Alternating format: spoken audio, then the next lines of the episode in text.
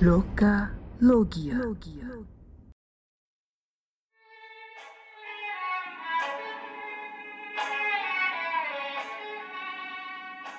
Pangeran Cilik Karya Antoine de Saint-Exupéry Dibacakan oleh Loka Logia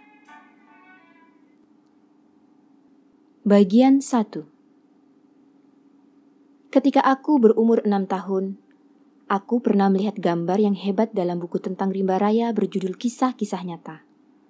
Gambar itu melukiskan seekor ular sanca yang sedang menelan seekor binatang buas. Dalam buku ini dijelaskan, ular sanca menelan mangsanya bulat-bulat tanpa mengunyahnya. Kemudian, mereka tidak mampu bergerak lagi dan tidur selama enam bulan untuk mencerna mangsanya. Maka aku lama berpikir tentang kejadian luar biasa di rimba raya. Dan dengan sebuah pensil berwarna, aku pun berhasil membuat gambarku yang pertama. Karya agungku itu kuperlihatkan kepada orang-orang dewasa, dan aku menanyakan, apakah gambar itu menakutkan bagi mereka? Mereka pun menjawab, Mengapa harus takut pada sebuah topi?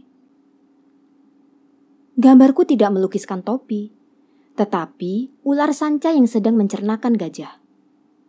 Maka aku menggambar bagian dalam ular sanca itu, supaya orang dewasa dapat mengerti. Mereka selalu saja membutuhkan penjelasan.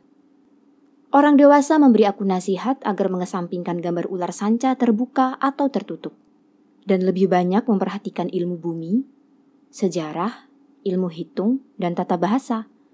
Demikianlah, pada umur enam tahun, aku meninggalkan sebuah karir cemerlang sebagai seorang pelukis. Semangatku patah karena kegagalan gambarku nomor satu dan nomor dua.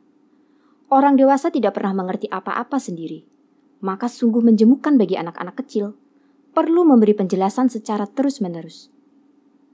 Jadi aku harus memilih profesi lain dan aku belajar mengemudikan pesawat terbang.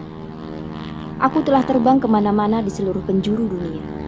Ternyata benar, ilmu bumi memang berguna bagiku. Dalam sekejap mata, aku dapat membedakan antara Cina dan Arizona. Ini sangat berguna bila kita tersesat pada waktu malam hari. Demikianlah aku banyak berhubungan dengan banyak manusia yang serius sepanjang hidupku. Aku lama hidup di tengah orang-orang dewasa. Aku telah melihat mereka dari dekat.